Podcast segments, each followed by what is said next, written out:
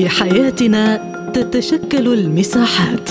نظل داخلها على اختلاف الثقافات. ولكن في مساحتنا تتحد الغايات. لأننا نغوص في أعماق المجتمعات. فإذا كان لديك وجهة نظر حرة فاهلا بك في مساحة حرة.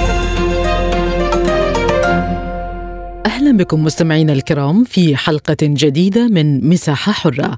معكم خلال هذه الحلقة دعاء ثابت.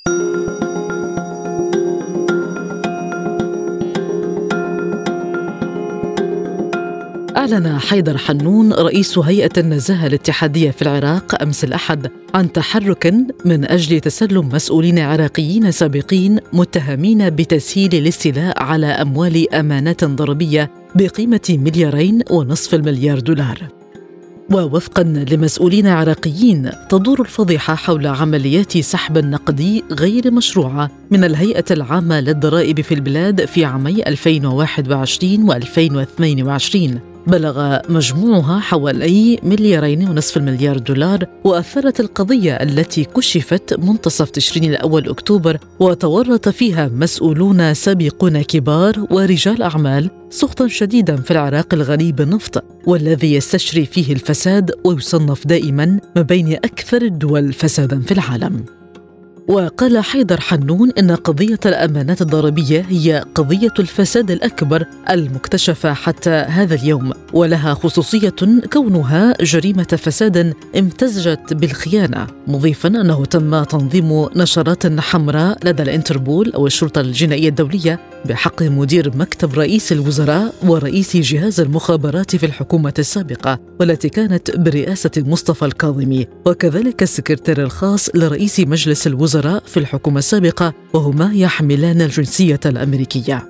وطالب حنون الجهات ذات العلاقة في الولايات المتحدة الأمريكية والمملكة المتحدة بالتعاون في تنفيذ مذكرات القبض الصادرة بحقهم وفقا لقانون العقوبات العراقية. مضيفا نأمل منهم أن يتعاونوا معنا في تسليم المتهمين المذكورين وأن يثبتوا دعمهم لجمهورية العراق. وغالبا ما تعلن الحكومة العراقية الجديدة برئاسة محمد شياع السوداني تطورات متعلقة بقضية سرقة أموال الضرائب التي تسمى سرقة القرن فيما جعلت من أولوياتها مكافحة الفساد. للتعليق على هذا الموضوع ينضم إلينا المحلل السياسي الدكتور سيف السعدي. دكتور سيف بعد التحية، العراق يطالب أمريكا وبريطانيا بتسليم مسؤولين عراقيين سابقين متهمين بسرقة أموال عامة. هل ينجح العراق في مسعاه وكيف تتعاطى هذه الدول مع الأمر؟ بداية شكرا جزيلا لإذاعتكم الكريمة وإلى متابعيكم الكرام ومستمعيكم وكذلك جنابكم الكريم. نعم يعني العراق كانت له عدة إجراءات وبالتحديد الحكومة العراقية تجاه ملاحقة هؤلاء المتورطين بسرقة القرن التي تجاوزت الثلاثة مليارات دولار. وهذه السرقة هي سرقة كبيرة وضخمة على مستوى الحكومات العراقية. ولكن هناك إجراءات من قبل الحكومة العراقية. وهذا الموضوع يعتمد على تعاون الإنتربول مع السلطات العراقية لإعادة هؤلاء إلى يعني العراق من ثم محاكمتهم محاكمة علنية، ولكن الغريب في الموضوع أن هناك من هؤلاء الأشخاص كانوا يعني في السجون ولكن تم إخراجهم بكفالة. يعني أمثال نور زهير المتورط الرئيسي في صفقة القرن وكانت الحجة من أجل إعادة الأموال المتبقية إلى خزينة الدولة، ولكن الآن هو خارج البلد، والكل يعلم أن نور زهير وكذلك الأشخاص المتورطين الذين كانوا يشغلون مناصب حساسة في زمن حكومة السيد الكاظمي أمثال يعني مدير المكتب وأمثال ممكن يعني ضباط في المخابرات كما أشار مدير هيئة النزاهة العراقية في مؤتمر موسع يوم أمس وأشار بالمباشر إلى الأشخاص المتورطين مع نور زهير. والآن هم في دول أوروبية والكل يعلم أن هؤلاء يمتلكون جنسيات مزدوجة يعني جنسية عراقية واضافه إلى الجنسية الأوروبية. فهناك يعني هنا تكمن الصعوبة. الإنتربول يتبرع ويتحجج إنه هؤلاء لديهم جنسيات أوروبية ويحظون بمعاملة كمواطنين في تلك دول بالتالي هنا لا أتوقع أن يكون هناك استعادة أو استرجاع لمثل هؤلاء اللصوص كونهم يمتلكون هويات مزدوجة وهذا ممكن العائق الكبير الذي سيواجه الحكومة العراقية في استرداد الأموال وكذلك استرداد اللصوص ماذا عن الذين يحملون جنسيات أخرى بجانب الجنسية العراقية؟ هل يمكن تسليمهم؟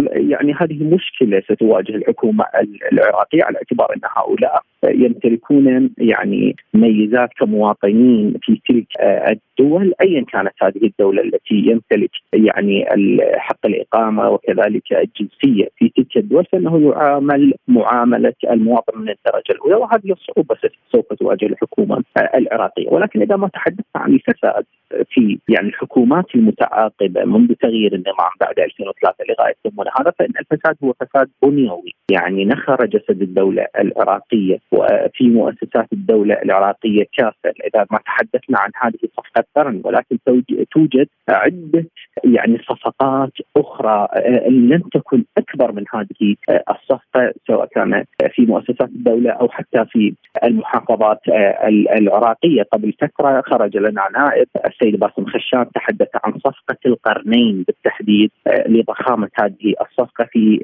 يعني محافظة المثنى بالتحديد مدينة السماوة العراقية وهي في جنوب العراق. نتحدث عن كثير من هذه الصفقات لكن يعني الحكومة إن كانت جادة بهذا الموضوع فعليها أن تحارب رأس الهرم ويعني أن تحارب كثير من المسؤولين الكبار أو ما يطلق عليهم بختان الفساد. حتى تعاد الثقه ما بين الحكومة وما بين المواطن فيما يخص محاربة الفساد مثل ما يعرف جنابكم الكريم الفساد هو فساد متجذر في مؤسسات الدولة العراقية حكومة السودان اتخذت نهجا جعلت من أولوياتها مكافحة الفساد هل تفتح ملف آخر كبير على غرار ملف سرقة القرن؟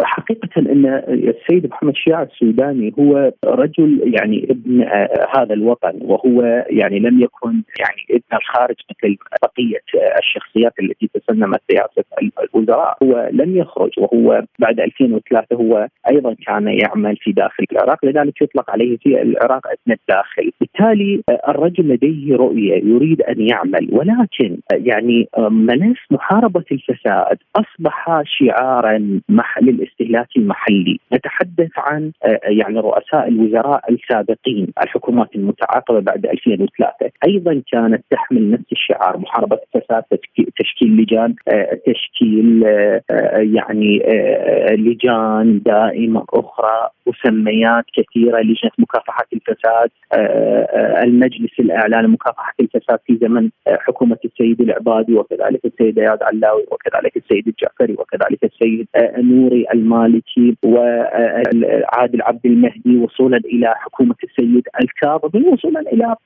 الأخيرة حكومة السيد محمد شياع السوداني. كل كل يعني هذه هذه الشخصيات أرادت أن تحارب الفساد والضرب بيد من حديد الفساد ولكن الفساد لا زال مستشري. لاننا نتحدث عن حلول انتقائية عن حلول ترقيعية. يعني محاربة مدير صغير وترك المسؤول الكبير الذي تسبب في يعني دمار مؤسسات العراقية، لذلك اذا ما أردنا أن نحارب الفساد علينا أن نقتلع من جذوره، وأنا اشبه هذا الموضوع، هناك من مريض مصاب بالسرطان وطبيب يعالج ويشخص هذا الموضوع ويعطيه مسكنات ألم فقط، هذا لن يجدي نفعا، فالمريض حتما سوف تزداد يعني سوء حالته وممكن أن يموت.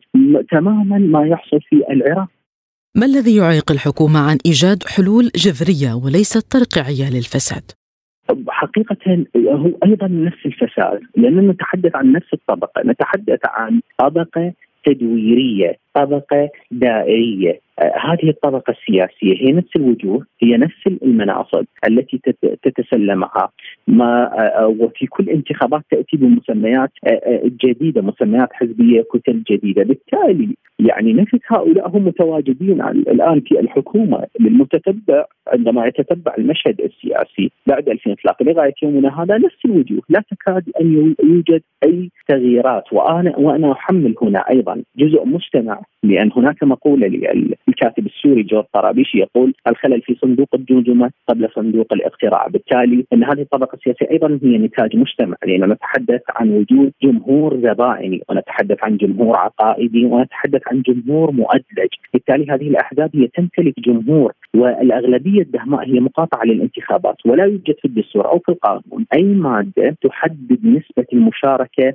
بالانتخابات للاعتراف بها أو عدم الاعتراف بها. بالتالي هي تأخذ سياقها العام سواء كانت مشاركة متدنية أو مشاركة آه، مرتفعة فإن الانتخابات والنتائج هي تمضي ويتم اعتمادها من قبل المحكمة آه، آه، الاتحادية. هذه المواضيع. إذا أرادت الحكومة أن تحارب الفساد بصورة حقيقية وواقعية وتقضي على هذا. الفساد عليها أن تغير الطبقة السياسية برمتها وهذا لن يحصل ولن يحدث نتحدث عن شخصيات هي موجودة في الحكم هي تسنمت مناصب سيادية وزارات أمنية وكذلك مناصب حساسة لغاية الآن موجودة ولا يستطيع السيد السوداني ولا غير السيد السوداني أن يذهب ليحاسب هؤلاء لأن نتحدث عن حكومة محاصصة مكوناتية توافقية تشاركية. بالتالي هذه الصفات هي السائدة التي آه، يعني آه، كانت ملصقة بالحكومات منذ 2003 إلى غاية يومنا.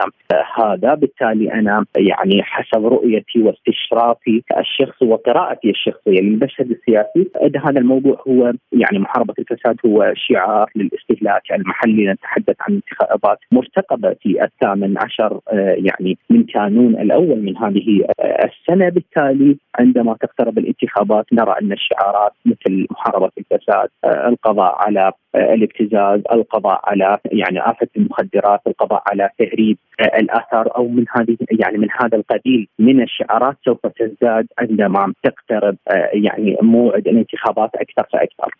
دكتور ألن تردع هذه الإجراءات من ينوي سرقة أموال البلاد؟ هناك يعني حقيقة لا أخفي لك سرا. هناك من يتهكم على يعني هذه الإجراءات. يعني يقول نور زهير يعني المتورط الرئيسي في شركة آه، القرض بأكثر من آه، يعني ثلاثة مليارات آه، دولار يتهكم ويقول إن الحكومة هي من ألقت القبض على هذا الشخص واودعته في السجن وأعلنت سوف يعني عن محاسبة هذا الشخص. ولكن بالتالي عندما يعني استبشر المواطن خيرا أقامت الحكومة بإطلاق سراح هذا المتهم بحجة إنه لإعادة المبالغ المسروقة، تم إعادة جزء من المبالغ المسروقه ولكن الجزء الأكبر بقي عند نور زهير وكذلك الأشخاص المتعاونين مع نور زهير، أي أي من الإجراءات يعني القانون العراقي المتهم أو المجرم يحاسب وفق المواد القانونية ويبقى في السجن سواء كان اعاد المبالغ أم أم لم يعيد هذه المبالغ فالحكومة لها إجراءاتها. لأول مرة نشاهد أن شخص متهم اتهام مباشر وأثبت عليه هذا الاتهام يتم إطلاق صراحة. والآن هو موجود في أحد الدول الأوروبية مع كثير من الشخصيات المتورطة، لذلك من هنا فقد المواطن حلقة الثقة في المحاسبة الجدية الفعلية لموضوعة الفساد في العراق، موضوعة الفساد في العراق هو يعني ورد في المنهاج الحكومي الذي قدمه السيد محمد شياع السوداني، وكثير من البنود وردت في هذا المنهاج، ولكن يبقى حبر على ورق ما لم تكن هناك إجراءات حقيقية، إجراءات رادعة من قبل جهات مكافحة الفساد أو كثير من اللجان أو هيئة آه، النزاهة، بالتالي هذا الموضوع يحتاج إلى كثير من المراحل، آه، هناك يعني مقوله أيضا يعني آه، روبرت فورد في معهد الشرق الأوسط يقول هيئة النزاهة في العراق بحاجة إلى هيئة نزاهة هيئة مكافحة الفساد. أيضا بحاجة إلى هيئة مكافحة فساد لاننا نتحدث عن شخصيات تم ممكن يعني طردهم وتم تشخيص مكامن الخلل في هذه الأجهزة. لمحاربة الفساد هم أصلا يعني فاسدون، بالتالي نحتاج إلى كثير من المراحل لإعادة يعني هيبة الدولة وإعادة هيبة الحكومة وفرض القانون لكل من تسول نفسه في العبث بالمال العام أو تبييض الأموال أو غسيل الأموال أو تهريب العملة خارج البلد، كل ما يندرج ضمن يعني مسمى الفساد. الفساد. بالتالي الفساد في العراق هو مستشري لنكون صريحين بصريح العبارة وكثير يعني يعني جزء من الفساد نتحدث عنه هو جفاف نهري دجلة والفرات. جزء من الفساد هو تهريب العملة خارج البلد. كل يعلم أن العراق هو بلد ريعي يعتمد بالدرجة الأساس على بيع النفط والنفط يكون عن طريق الدولار. بالتالي آه، هناك مضاربات تحدث داخل العراق هناك مزاد العملة هناك تهريب العملة لدول عليها عقوبات. بالتالي أيضا هذا جزء من الفساد. نتحدث أيضا عن أزمة الطاقة الكهربائية في العراق آه، التي هي تكاد تكون أيضا متجذرة آه، منذ 2003 إلى غاية يومنا هذا لم يتم إصلاح المنظومة آه، الكهربائية المتهالكة ولم يتم يعني إنشاء محطات بالتالي ممكن يعني يكون الاعتماد عليها بالداخل يعني على المنتوج الوطني العراقي والكل يعلم العراق هو بلد. نفطي من غير المنطقي ان نتم أن نستورد الغاز من إيران وبالتالي لدينا غاز المصاحب يحرق في حقول النفط العراقية. وهذا أيضا سببه آه، الفساد سببه سوء الإدارة سببه سوء القيادة ممن آه، حكموا البلد، أنا لا أريد أن أكون متشائم لهذه الدرجة ولكن علينا أن نكون آه، يعني مهنيين ومنطقيين وكذلك بما كفله الدستور في المادة 38 التي تتحدث عن حرية الرأي وحرية التعبير في وسائل الإعلام، بالتالي نحن ننطلق من هذا الموضوع حتى نشخص الخلل، حتى نصحح المسار، حتى نتمكن من مساعدة الحكومة في حقيقة إيجاد رؤية أو بلوره أفكار على أرض الواقع لمحاربه هذا الفساد بأن المواطن هو المتضرر الأساس ب يعني ملف الفساد الكبير المستشري في مؤسسات الدولة. لكن الانتخابات ستأتي بحكومة جديدة فما مصير هذا الملف؟ وهل تقوم الحكومة بهذه الإجراءات ارضاء للشعب الساخط على حجم الفساد المستشري في الدولة؟ أنا قلت يعني في بداية الحديث إنها حلول ترقيعية وهو شعار يعني الاستهلاك المحلي أو جزء من ابر التخدير ان صح التعبير يعني الجمهور العراقي. ولكن أنا أقول وبالتحديد لدي بحث مفصل عن هذا الموضوع بسبب يعني سبب مقاطعة الأغلبية للانتخابات، مقاطعة الجمهور للانتخابات وعدم الاشتراك في الانتخابات هو سبب رئيسي في استمرار الفساد، هو سبب رئيسي في بقاء يعني سلطة الأحزاب مستمرة في الحكم. يعني ما بعد 2003 إلى غاية يومنا هذا، لأن نتحدث عن فرضية أكاديمية. كلما قاطع الجمهور الانتخابات كلما آه، ساعد ذلك في بقاء أحزاب السلطة. لأن أحزاب السلطة هي تستثمر المقاطعة لصالحها. بالتالي لعدة أسباب. لأنها تمتلك جمهور زبائني وتمتلك جمهور عقائدي وتمتلك جمهور مؤدلج. بالتالي هذه ثلاثة أصناف من الجمهورية من تساعد بقاء السلطة على حساب الأغلبية الدهماء المقاطعة للانتخابات. المجتمع نتحدث نقول يعني عماد الديمقراطية هي ليست المشكلة في تحول من نظام دكتاتوري إلى نظام ديمقراطي ولكن المشكلة في تحول المجتمع نفسه، لا زال المجتمع العراقي لم يندمج ولم يتماهى مع شيء اسمه ديمقراطية، لأن الديمقراطية هي ليست بذرة برسم القطف وإنما هي بذرة برسم الزرع وتحتاج حقيقة إلى مراحل عديدة مثل أوروبا، أوروبا 500 عام آه، حتى آه، كانت الديمقراطية تنضج، هناك كانت أيضا حروب بين البروتستانت والكاثوليك والأرثوذكس، بالتالي احتاجت إلى كثير من الأعوام النظام لكي تقف وتتعامل مع يعني النظام الديمقراطيه، بالعراق لا زال هناك فجوه كبيره ما بين المجتمع وما بين شيء اسمه الديمقراطية، بالتالي أحد أعمدة الديمقراطية هو الانتخابات، وكلما تأتي دورة انتخابية نسبة المشاركة متدنية وهذا هو في صالح الأحزاب، يجب على المجتمع إن اراد أن يتخلص من الطبقة السياسية، أن أراد أن يختار الشخصيات الكفؤه لبناء هذا البلد وتصحيح مساره ويكون في مساق الدول. الدول المتقدمة ومقومات الدولة والحكومة والمؤسسات هي موجودة في داخل العراق. لدينا كفاءات ما شاء الله تزهر بها الحكومة يعني الشعب العراقي. بالتالي ممكن الاعتماد واختيار هؤلاء عن طريق صندوق الاقتراع لأن لا يوجد لدينا غير هذا الموضوع. هناك من لديه في مخيلته عدة عوامل لتغيير الطبقة السياسية وهذا لن يحصل. مثلا يعني يعول على التغيير يأتي من الخارج على غرار 2003 تأتي قوة لتغيير هذه الطبقة السياسية وهذا لن يحدث. هناك من يعول على المظاهرات وأيضا فشلت مظاهرات تشرين ومظاهرات المناطق الغربية. يعني تعاملت الحكومة يعني باحترافية مع هذا الأنف لدينا أيضا هناك من يعول على الانقلاب العسكري وهذا أيضا لن يحدث بسبب التركيبة والهيكل التنظيمي للمؤسسات التي العسكرية والأمنية التي بنيت عليها بعد 2003 هناك أيضا من يعول حقيقة على كثير من هذه الأدوات ولكن أثبتت فشلها بالتالي لا يوجد فقط الاشتراك في الانتخابات ومأسسة الأحزاب الناشئة والجديدة من أجل تغيير واقع الحال ومن أجل محاكمة من تسبب بفساد يعني الحكومات المتعاقدة والذي أثر بشكل كبير ومباشر على يعني طبقات المجتمع العراقي وعلى الشعب العراقي بالتحديد.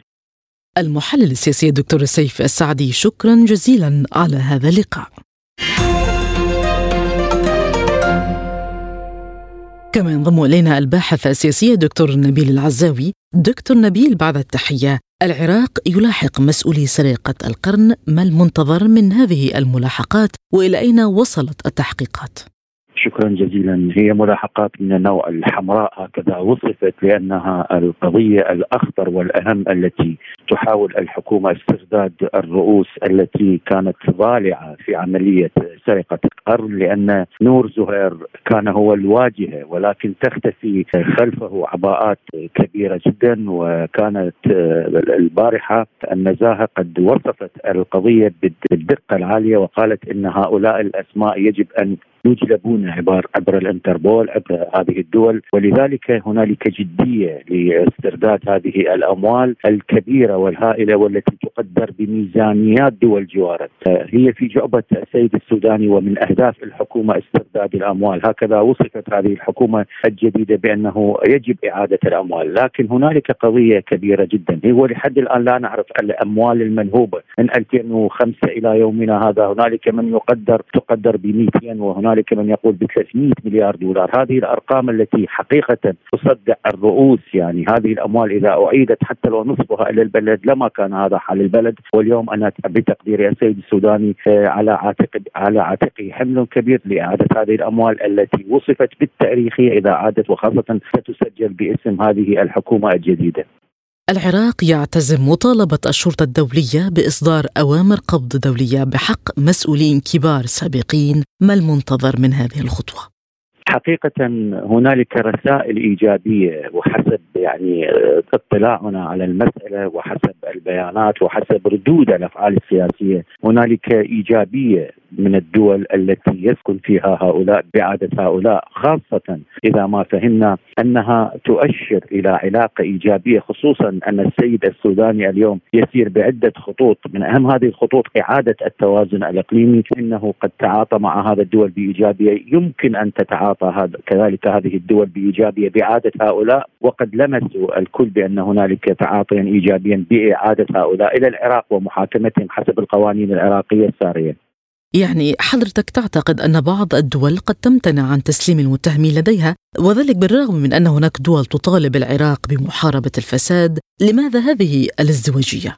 هي هاي القضية يعني هي هاي الجزئية المهمة يعني سؤال مهم جدا. يجب أن تكون هنالك عدالة حتى في التعاطي مع هذه الأمور ولا يمكن أن تكون هنالك مساومات في هذه القضية. هنالك من يقول بأنه على الدول الأوروبية أن تتعاطى في قضية معينة وهنالك من يذهب لأنه في العراق تدرين تعدد القيادات وتعدد الزمات حتى هذه تؤثر على القرارات. لكن أنا بتقديري أن اليوم هي قضية مهمة ومفسدية يواجهها العراق. اليوم العراق يواجه قضية الفساد بقضية وجود الدولة بمعنى أن الدولة تهدد من الداخل وتنخر بها الفساد وهذا ما أكده السيد السوداني حينما أسمى الفساد وجائحه هذه الجائحة خطره جدا على العراق لأنها تراكمت من من حكومات أربعة من 2006 إلى 10 إلى 14 إلى 18 رفعوا شعار الفساد ولكن لا أحد يتعاطى مع هذا الشعار، الأموال هربت إلى خارج العراق وفي عدة دول أوروبية وفي عدة دول عربية هنالك المليارات لم يكشف عنها لحد الآن.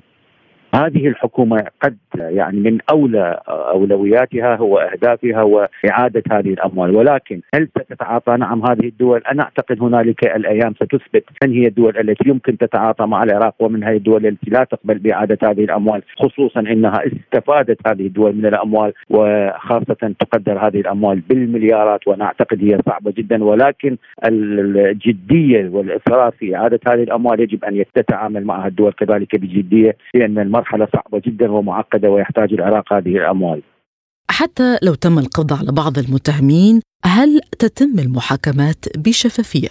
هو الافراج عن نور زهير المتورط الأول هي لإعادة الأموال لأن تعلمين هي الأموال ليست فلوس نقدية أو يعني أو مبالغ نقدية، الأموال حولها نور زهير إلى أملاك وعقارات وعمارات ودور فخمة تقدر ب 10 إلى إلى 15 مليون دولار البيت الواحد ويقدر بأكثر من 60 منزلا لديه. فلذلك الحكومة أطلقت صراحة حتى يعيد هذه الأموال يعني لأنها باسمه إذا كانت السجن لا يمكن أن تحول الأموال. أنا أعتقد القانون العراقي يتعامل آه، بمسطرة واحدة مع كل متهم ولدينا قوانين. هذه القوانين آه، تسري على الكل. أنا أعتقد إذا آه، هؤلاء سلموا أنفسهم آه، يعني طوعا أفضل من إلقاء القبض عليهم لأن القانون سيتعاطى مع هذه القضية بإيجابية كذلك. آه، آه، الوقت هو يعني ليس بصالح هؤلاء الفارين خارج البلاد لأن الحكومة العراقية عازمة على إعادتهم ومحاكمتهم محاكمة عادلة نزيهة أمام الشعب العراقي حتى يكونون عبرة